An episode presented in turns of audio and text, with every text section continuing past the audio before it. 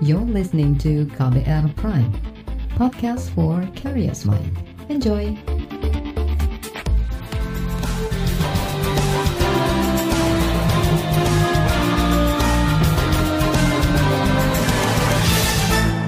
Halo selamat sore saudara, apa kabar Anda sore hari ini? Kembali KBR Sore siap untuk menjadi teman Anda di sore hari ini tanggal 18 Maret 2022.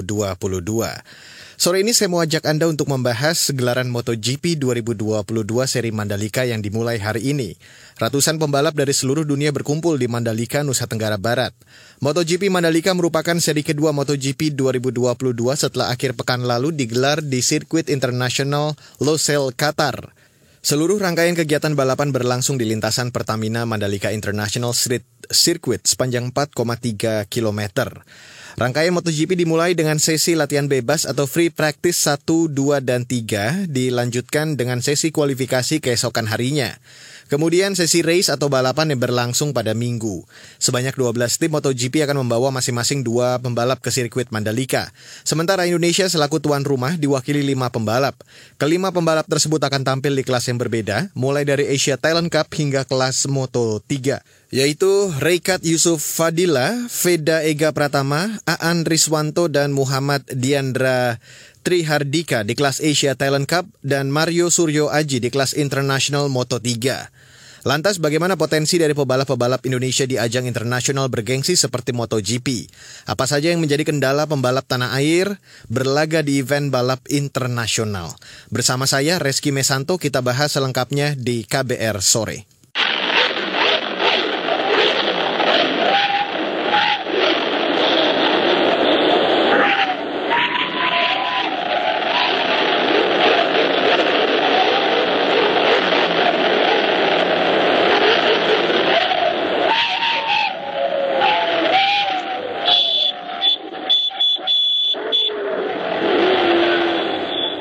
Saudara itu tadi gemuruh motor dari pembalap MotoGP saat dilepas Presiden Joko Widodo untuk melakukan parade berkeliling kota Jakarta Rabu lalu. Akhir pekan ini Indonesia akan menjadi tuan rumah di seri kedua MotoGP 2022. Ini menjadi pertama kalinya Indonesia melangsungkan gelaran MotoGP setelah puluhan tahun absen. Pertamina Mandalika International Street Circuit di Mandalika, Lombok Tengah, Nusa Tenggara Barat akan menjadi arena MotoGP Indonesia 2022 dan Asia Talent Cup Indonesia 2022 18 hingga 20 Maret 2022. Presiden Jokowi mengaku bangga Indonesia bisa menjadi tuan rumah penyelenggaraan balap bergengsi kelas dunia. Berikut pernyataan Presiden Jokowi saat menyambut puluhan riders atau pembalap MotoGP di Istana Merdeka, Jakarta. Tadi sudah kita lepas bersama-sama para pembalap dari mancanegara untuk nanti mereka akan langsung bertanding di sirkuit Mandalika di hari Jumat, Sabtu, dan Minggu.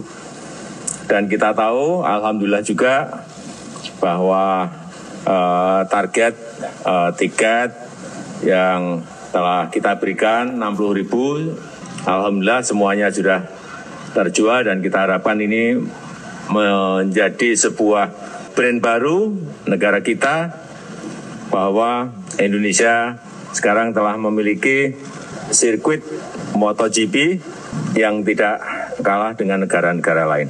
Saya rasa kita nanti bertemu saja di Mandalika. Terima kasih. Presiden mengakui Indonesia masih kekurangan dari sisi akomodasi di Mandalika untuk penyelenggaraan event internasional. Tapi yang jelas memang dari sisi akomodasi hotel memang kita masih butuh banyak sekali di Mandalika. Jokowi menyebut akan menghitung dan mengkalkulasi berapa devisa yang masuk dari penyelenggaraan MotoGP yang diperkirakan mencapai 500 miliar rupiah itu.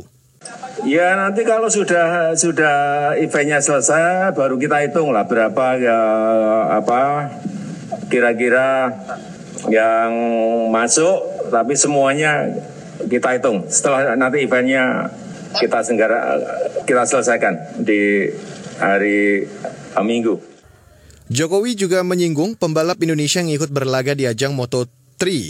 Mario Suryo Aji yang diharapkan bisa berlaga hingga ke MotoGP. Ya kita kan ada yang ikut tapi di Moto3. Mario kan ikut ya, itu uh, bibit yang kita harapkan bisa naik naik naik kemudian masuk ke MotoGP. Kepala negara juga akan dijadwalkan untuk menonton laga race MotoGP seri Mandalika minggu lusa. Dan selanjutnya di KBR sore akan saya hadirkan laporan khas KBR yang kali ini membahas semarak publik menyambut MotoGP Mandalika. Selengkapnya sesaat lagi, tetaplah di KBR sore. You're listening to KBR Pride, podcast for curious mind. Enjoy!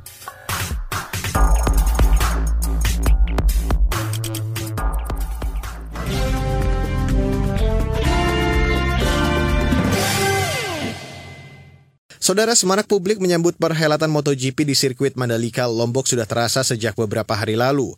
Mulai dari tiket acara hingga penginapan diklaim nyaris habis dipesan oleh pecinta MotoGP. Seperti apa sambutan publik? Dan berikut saya hadirkan laporan khas KBR yang disusun serta dibacakan Astri Septiani. Ratusan orang memadati jalan-jalan di Jakarta ketika iring-iringan para pebalap MotoGP melakukan parade di Jalan Tamrin Sudirman. Antusiasme publik cukup tinggi mengingat Indonesia kembali bakal menjadi tuan rumah penyelenggaraan balap motor bergengsi MotoGP yaitu di sirkuit Mandalika, Lombok, Nusa Tenggara Timur. Usai menerima kedatangan para pebalap, Presiden Joko Widodo mengatakan tiket menonton langsung di sirkuit Mandalika sudah ludes terjual. Dan kita tahu, alhamdulillah juga bahwa target uh, tiket yang telah kita berikan 60 ribu, Alhamdulillah semuanya sudah terjual dan kita harapkan ini menjadi sebuah brand baru negara kita bahwa Indonesia sekarang telah memiliki sirkuit MotoGP yang tidak kalah dengan negara-negara lain. Saya rasa kita nanti bertemu saja di Mandalika. Bahkan menurut Direktur Operasi dan Inovasi Bisnis PT Pengembangan Pariwisata Indonesia ITDC, Ari Prasetyo, tiket nonton balap MotoGP sudah terjual lebih dari 100 ribu lembar untuk tiga hari, dari tanggal 18 hingga 20 Maret 2022. Paling banyak pembeli yakni dari Jawa Barat, Jawa Timur, Jakarta, Bali, dan NTB. Kalau yang luar negeri yang pasti 2.500 yang officials itu mereka datang, tapi kan mereka bukan penonton, mereka officials, kru, pembalap dan lain sebagainya itu semua orang luar negeri, berbagai warga negara. Tapi kalau yang penonton bisa dibilang mungkin ya hampir 100% orang Indonesia. Dari mana mereka? Ada yang dari Lombok, ada yang dari luar Lombok. Tapi memang yang paling banyak dari data pembelian tiket kita itu adalah nomor satu uh, Jawa Barat, Jawa Timur, ya DKI Jakarta, Bali dan NTB. Ari mengatakan pembeli tiket paling banyak untuk menyaksikan balap di hari ketiga, yakni Minggu 20 Maret 2022. Hal itu bisa dimaklumi karena memang balapan puncak digelar pada hari Minggu. Sementara untuk balapan hari Jumat dan Sabtu, datanya masih fluktuatif. Tak cuma tiket pertandingan, rata-rata kamar homestay dan rumah-rumah warga yang disediakan untuk para tamu MotoGP di kawasan desa wisata di Lombok juga sudah penuh oleh tamu dari luar daerah. Setelah pandemi berkepanjangan membuat kamar-kamar homestay jarang terisi, kini kondisinya sudah mulai penuh lagi. Pengelola Desa Wisata Setanggor, Kecamatan Praya Barat, Kabupaten Lombok Tengah, Ida Wahyuni mengatakan, tamu-tamu yang menginap di desa wisata berasal dari berbagai kalangan, mulai dari pegawai swasta hingga kepala daerah. Di Setanggor, hampir 70 kamar homestay dan rumah warga sudah dipesan dan ditempati. Para tamu disuguhi aneka hiburan tradisional khas desa wisata termasuk membuka galeri tenun yang menjadi warisan budaya di desa wisata setempat. 69 kamar out. Satu yang anu agak bagus kan yang punyanya Bupati Minahasa Utara sama istri sama stafnya enam orang. Kita ada hiburannya, ada uh, untuk welcome musiknya kita kita berikan welcome dance-nya. Terus ibu-ibu penenunnya, galeri tenunnya juga semua kita buka. Ida mengatakan hadirnya gelaran MotoGP telah memberikan manfaat yang besar bagi masyarakat lokal, terlebih pelaku wisata yang selama ini menggantungkan hidupnya di sektor pariwisata. Antusiasme juga diungkapkan oleh penggemar MotoGP asal Jakarta, Pendi yang bakal menonton ajang MotoGP di Mandalika. Pendi bahkan sudah menginap di dekat lokasi sirkuit Mandalika sejak tanggal 17 kemarin. Dirinya bakal menonton pertandingan hari Sabtu dengan tiket yang dibelinya seharga 1,1 juta rupiah dan hari Minggu dengan tiket yang ia beli dengan harga 1,6 juta rupiah. Pendi menjagokan pebalap Fabio Quartararo untuk menjadi pemenang di ajang ini.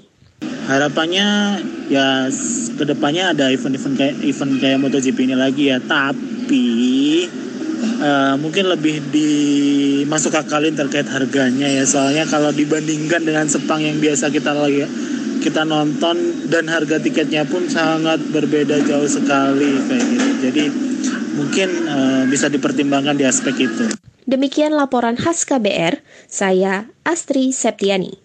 Selanjutnya di KBR sore akan saya hadirkan apa saja yang harus dilakukan Indonesia agar bisa mencetak pembalap potensial di masa depan. Informasi selengkapnya sesaat lagi, tetaplah di KBR sore.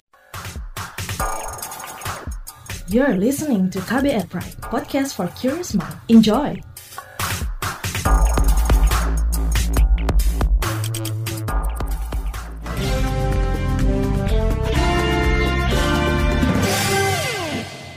Saudara, Pertamina Mandalika Racing Team Indonesia mendukung niat dan keinginan generasi muda di Indonesia bisa berlaga di balapan internasional.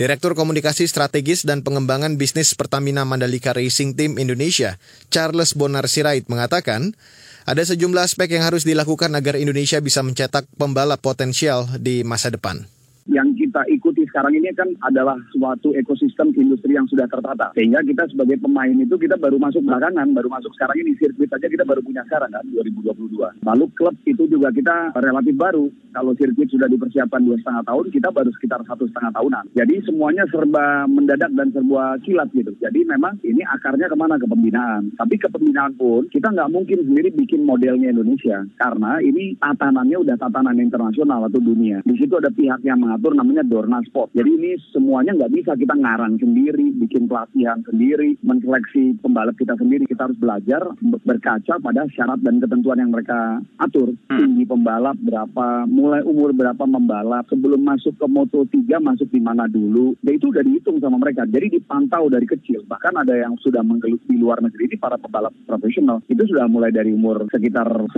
tahun udah ikut balapan. Tapi hmm. mungkin levelnya masih level motocross atau moto yang paling kecil kecil dendi. Jadi ada di lapangan gokar atau lapangan atau mini sirkuit itu mereka main dendi, main motornya motor kecil, mirip seperti MotoGP, tapi bentuknya kecil sekali. Jadi kelihatan kayak orang besar itu kayak main-mainan gitu. Padahal itu motor. Jadi ada pembinaannya, ada pembinaannya juga adalah di sini adalah peranannya orang tua. Kalau di Indonesia ini kan terus terang ya mas, ayah dan ibu nggak semuanya juga bisa merestui anak-anak ini masuk ke olahraga ini karena resikonya kan salah satu yang paling gampang adalah jatuh dan cedera dan berikutnya juga biaya gitu. Nah, yang berikutnya juga tidak kalah menarik ya. Orang di Indonesia masih selalu paradigmanya berpikir olahragawan itu adalah mereka-mereka yang nggak laku di industri apa ya di sektor sekolah. Nah ini yang harus kita rubah mindsetnya. Direktur Komunikasi Strategik dan Pengembangan Bisnis Pertamina Mandalika Racing Team Indonesia Charles Bonar Sirait turut mendorong ada perubahan pola pikir seluruh pihak agar pembalap Indonesia bisa muncul dan bersaing khususnya dalam gelaran MotoGP kepala rombongannya ini adalah Dorna Sport. Mereka hmm. sudah sudah menyiapkan kisi-kisinya. Sehingga kita nggak bisa bikin atlet balap versi kita sendiri. Yang hmm. sekarang terjadi di Indonesia ini, kita intinya kita harus buat mekanisme pembinaan di sini. Hmm. Bukan dengan pola berpikir kita, tapi kita ikuti pola berpikir mereka. Karena pencipta olahraga ini adalah mereka. Mereka sudah mulai duluan ini sekitar berapa puluh tahun yang lalu kan. Dorna Sport ini dengan dengan basisnya di Eropa. Di sana juga ada tiga merek besar ya. Tiga merek besar motor besar pabrikan Aprilia, Ducati, dan satu lagi ya. Itu tentu KTM itu mereka adalah tokoh-tokoh leader leader di sana. Sementara kalau kita di Asia itu ada Honda, ada Suzuki dan juga Yamaha. Jadi enam brand ini mencari pembalap-pembalapnya sesuai dengan versi mereka. Nah kalau kita dilihat nggak bisa memenuhi ya jangankan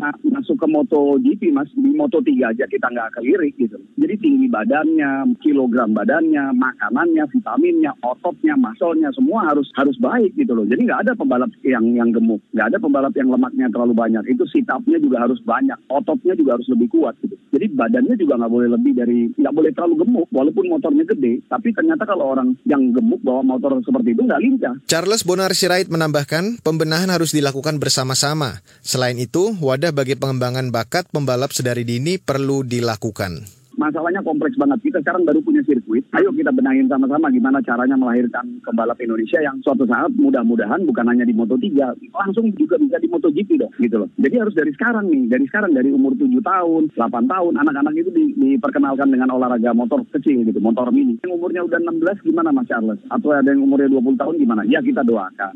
Tapi kalau bisa dari dini gitu loh. Karena dari kecil ini udah harus didoktrin di kepalanya gitu, kompetisi-kompetisi, balapan-balapan. Kalau menang kamu bawa nama merah putih, kamu membela Indonesia. Jadi udah harus diciptain di ruang kepala mereka bahwa menang olahraga motocross ataupun MotoGP atau Moto2 atau Moto3 itu udah sama juga dengan membela Indonesia di medan pertempuran. Sebetulnya kalau kita mau lihat hikmahnya di belakang ini apa sih? Kita lagi berkompetisi gimana supaya lagu Indonesia Raya berkumandang di podium satu kan? Kan itu gitu. Jadi jangan lihat hanya sportnya. Nah kalau olahragawan nggak diisi pemikirannya dengan begini, dengan nasionalisme, dengan filosofi yang seperti ini, ya mereka cuma ngerti soal teknikal aja, tapi filosofi nggak ada. Ini udah kayak perang kan? Yang terakhir adalah tadi ya, eh, selain pembinaan itu semua kita harus sama-sama, nggak bisa sendiri. Dari sektor industri otomotifnya harus mau ikut, dari sektor ininya kita harus mau ikut, sektor pemerintah kita harus mau ikut, dari swasta juga harus ikut. Jadi harus bertiga. Nah terus ditambah dari masyarakat gitu. Jadi empat komponen ini yuk kita rame-rame bareng. Nah apa yang paling penting ya tadi pembentukan semacam Pertamina Mandalika Racing Academy. Jadi setelah balapan ini mungkin yang harus kita kerjakan adalah pembentukan akademinya. Saudara itu tadi Direktur Komunikasi Strategik dan Pengembangan Bisnis Pertamina Mandalika Racing Team Indonesia Charles Bonar Sirait. Salah satu pembalap Indonesia, Mario Suryo Aji, bakal menjalani balapan kandang di Moto3 Mandalika. Mario yang memperkuat Honda Team Asia meminta doa dan dukungan seluruh masyarakat dan berjanji akan memberikan performa terbaik bagi bangsa Indonesia. Sangat luar biasa apresiasi untuk Bapak Presiden udah mengundang rider Indonesia yang juga berjuang untuk mengharumkan nama bangsa Mario Veda. Jadi bisa termotivasi lah untuk menjalankan balapan minggu ini. Mohon doa dan dukungannya untuk rider Indonesia, semua rider agar bisa mengharumkan nama bangsa dan tentunya kami memberikan hasil yang terbaik nanti. Saudara itu tadi pembalap asal Indonesia, Mario Suryo Aji. Dan di bagian akhir dari KBR sore, pengamat otomotif yang juga penggemar MotoGP menyayangkan kurangnya atensi dari pemerintah untuk mengasah bakat pembalap dalam negeri. Selengkapnya sesaat lagi, tetaplah di KBR sore. You're listening to KBR Pride, podcast for curious mind. Enjoy!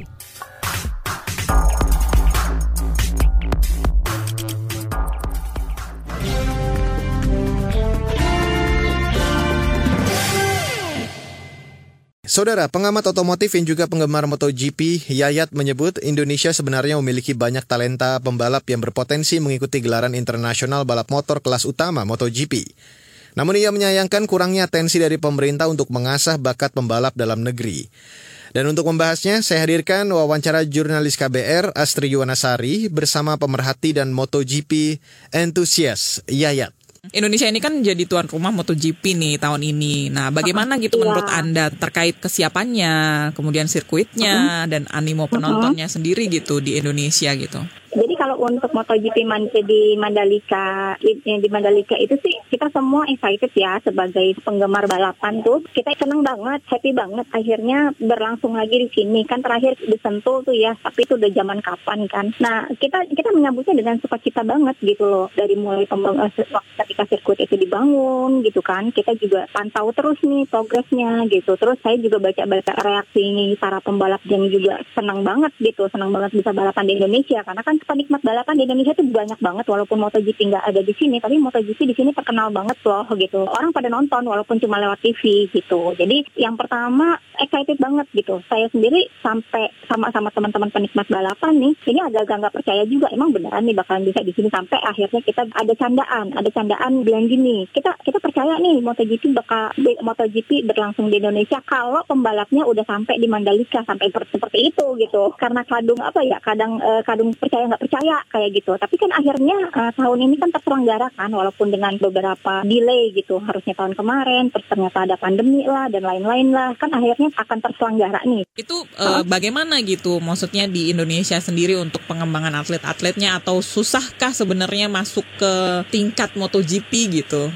Sebenarnya kalau untuk pembalap Indonesia itu pernah ada yang mencoba menjajal track sirkuit-sirkuit MotoGP ya. Tapi kan mentoknya tuh cuma di Moto2 ya kan. Dari zamannya dulu tuh ada Doni Tata yang pertama banget dulu, terus ada Raffi Topan gitu, terus sekarang juga ada beberapa lagi. Sebenarnya sih kalau misalnya dari skillnya para pembalap itu mereka bisa gitu, bisa. Soalnya Dorna sudah melihat bahwa pembalap-pembalap Indonesia ini sebenarnya berbakat. Sebenarnya ada skillnya gitu. Kalau misalnya diasah, terus dilatih, terus dilatihnya bukan cuma dilatih di dalam negeri aja ya, tapi dilatih untuk berlaga di kelas internasional. Karena pelatihan yang paling penting itu justru di internasional, mencoba bermacam-macam jenis track ya di luar negeri. Nah, kalau untuk atensi pemerintah kepada para pembalap di Indonesia, saya akui ini agak kurang banget. Kebanyakan uh, pembalap-pembalap di Indonesia ini dilatihnya masih oleh swasta. Misalnya dari Honda atau dari Yamaha yang rutin banget menggelar kompetisi balapan ya, walaupun itu cuma tingkat di Indonesia doang, tingkat lokal aja gitu. Tapi mereka sering banget tuh ngadain balapan. Dan itu kan lumayan mengasah sebenarnya, lumayan mengasah skillnya para pembalap sebenarnya. Terus kalau untuk yang di kelas internasional juga ada tuh yang sekarang ini kan Asia Talent Cup. Nah, Asian Talent Cup ini sebenarnya kalau di negara-negara lain, Malaysia gitu ya, itu Asia Talent Cup itu menjadi batu loncatan untuk ke kelas Moto3. Jadi para pembalap yang masuk ke Asia Talent Cup itu akan diperhatiin banget tuh sama pemerintah tuh, sama sama pemerintah negaranya. Nah, untuk Indonesia ini sendiri sebenarnya banyak yang masuk ke Talent Cup ya. Cuman lagi-lagi ya pemerintah Indonesia itu kurang ya, kurang memberi perhatian lebih tidak sebesar atensi dari negara yang lain gitu yang memang memperhatikan balapannya. Mungkin di sini karena olahraganya banyak banget kali ya gitu. Apa harapan Anda terkait MotoGP Mandalika 2022 ini Mbak terkait pengembangan atlet-atlet nasional gitu? Apakah bisa jadi momentum untuk pemerintah supaya lebih bisa memperhatikan lagi atlet-atlet atau pembalap-pembalap yang dipunyai oleh Indonesia gitu? Saya berharap sih dengan adanya gelaran MotoGP di Indonesia, atensi pemerintah kepada para pembalap kita itu akan jadi lebih besar gitu dibanding sebelumnya. Karena uh, pemerintah sendiri kan sudah ngeliat nih atensi penonton balapan MotoGP Indonesia tuh gede banget gitu. Walaupun di sini nggak ada gelaran MotoGP tapi kan heboh banget gitu gede banget gitu. Nah akan lebih bagus lagi kalau misalnya ada pembalap Indonesia yang berlaga di kelas MotoGP gitu. Nah masalahnya untuk loncat ke kelas MotoGP itu kan dari awal dulu nih mbak dari Moto3 Moto2 terus di kelas utama nih MotoGP. Nah untuk yang ke Moto3-nya sendiri itu kan pertama harus skill dan yang keduanya ya harus punya modal sponsor terutama gitu. Nah pemerintah mau nggak nih kasihin sponsor? Karena yang udah-udah ya sponsornya mentok mbak gitu. Kayak misalnya di F1 kan ada Rio Haryanto ya kan? Lalu balapan motor sendiri juga kan ada Rapi Topan, Deni Tata gitu di Mas Eki. Itu mentoknya salah satunya di sponsor gitu. Kalaupun memang pemerintah tidak bisa secara langsung memberikan sponsor ya bisalah aja kerja sama swasta misalnya buat mensponsori kayak gitu. Karena nanti begitu dia naik lagi di kelas moto tuh ya itu butuh sponsornya itu akan jadi lebih gede lagi gitu. Karena memang modalnya cukup lumayan sih mbak kalau untuk yang bukan cuma skill ya tapi untuk materinya juga lumayan banget nih kalau untuk balapan di kelas internasional kayak gitu. Saudara itu tadi pemerhati dan MotoGP entusias Yayat. Perbincangan tadi sekaligus menutup KBR sore untuk hari ini edisi 18 Maret 2022.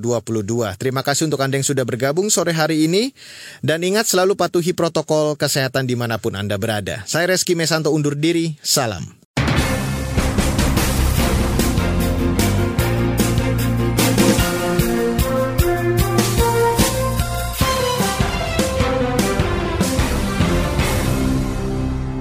KBR Prime, cara asik mendengar berita.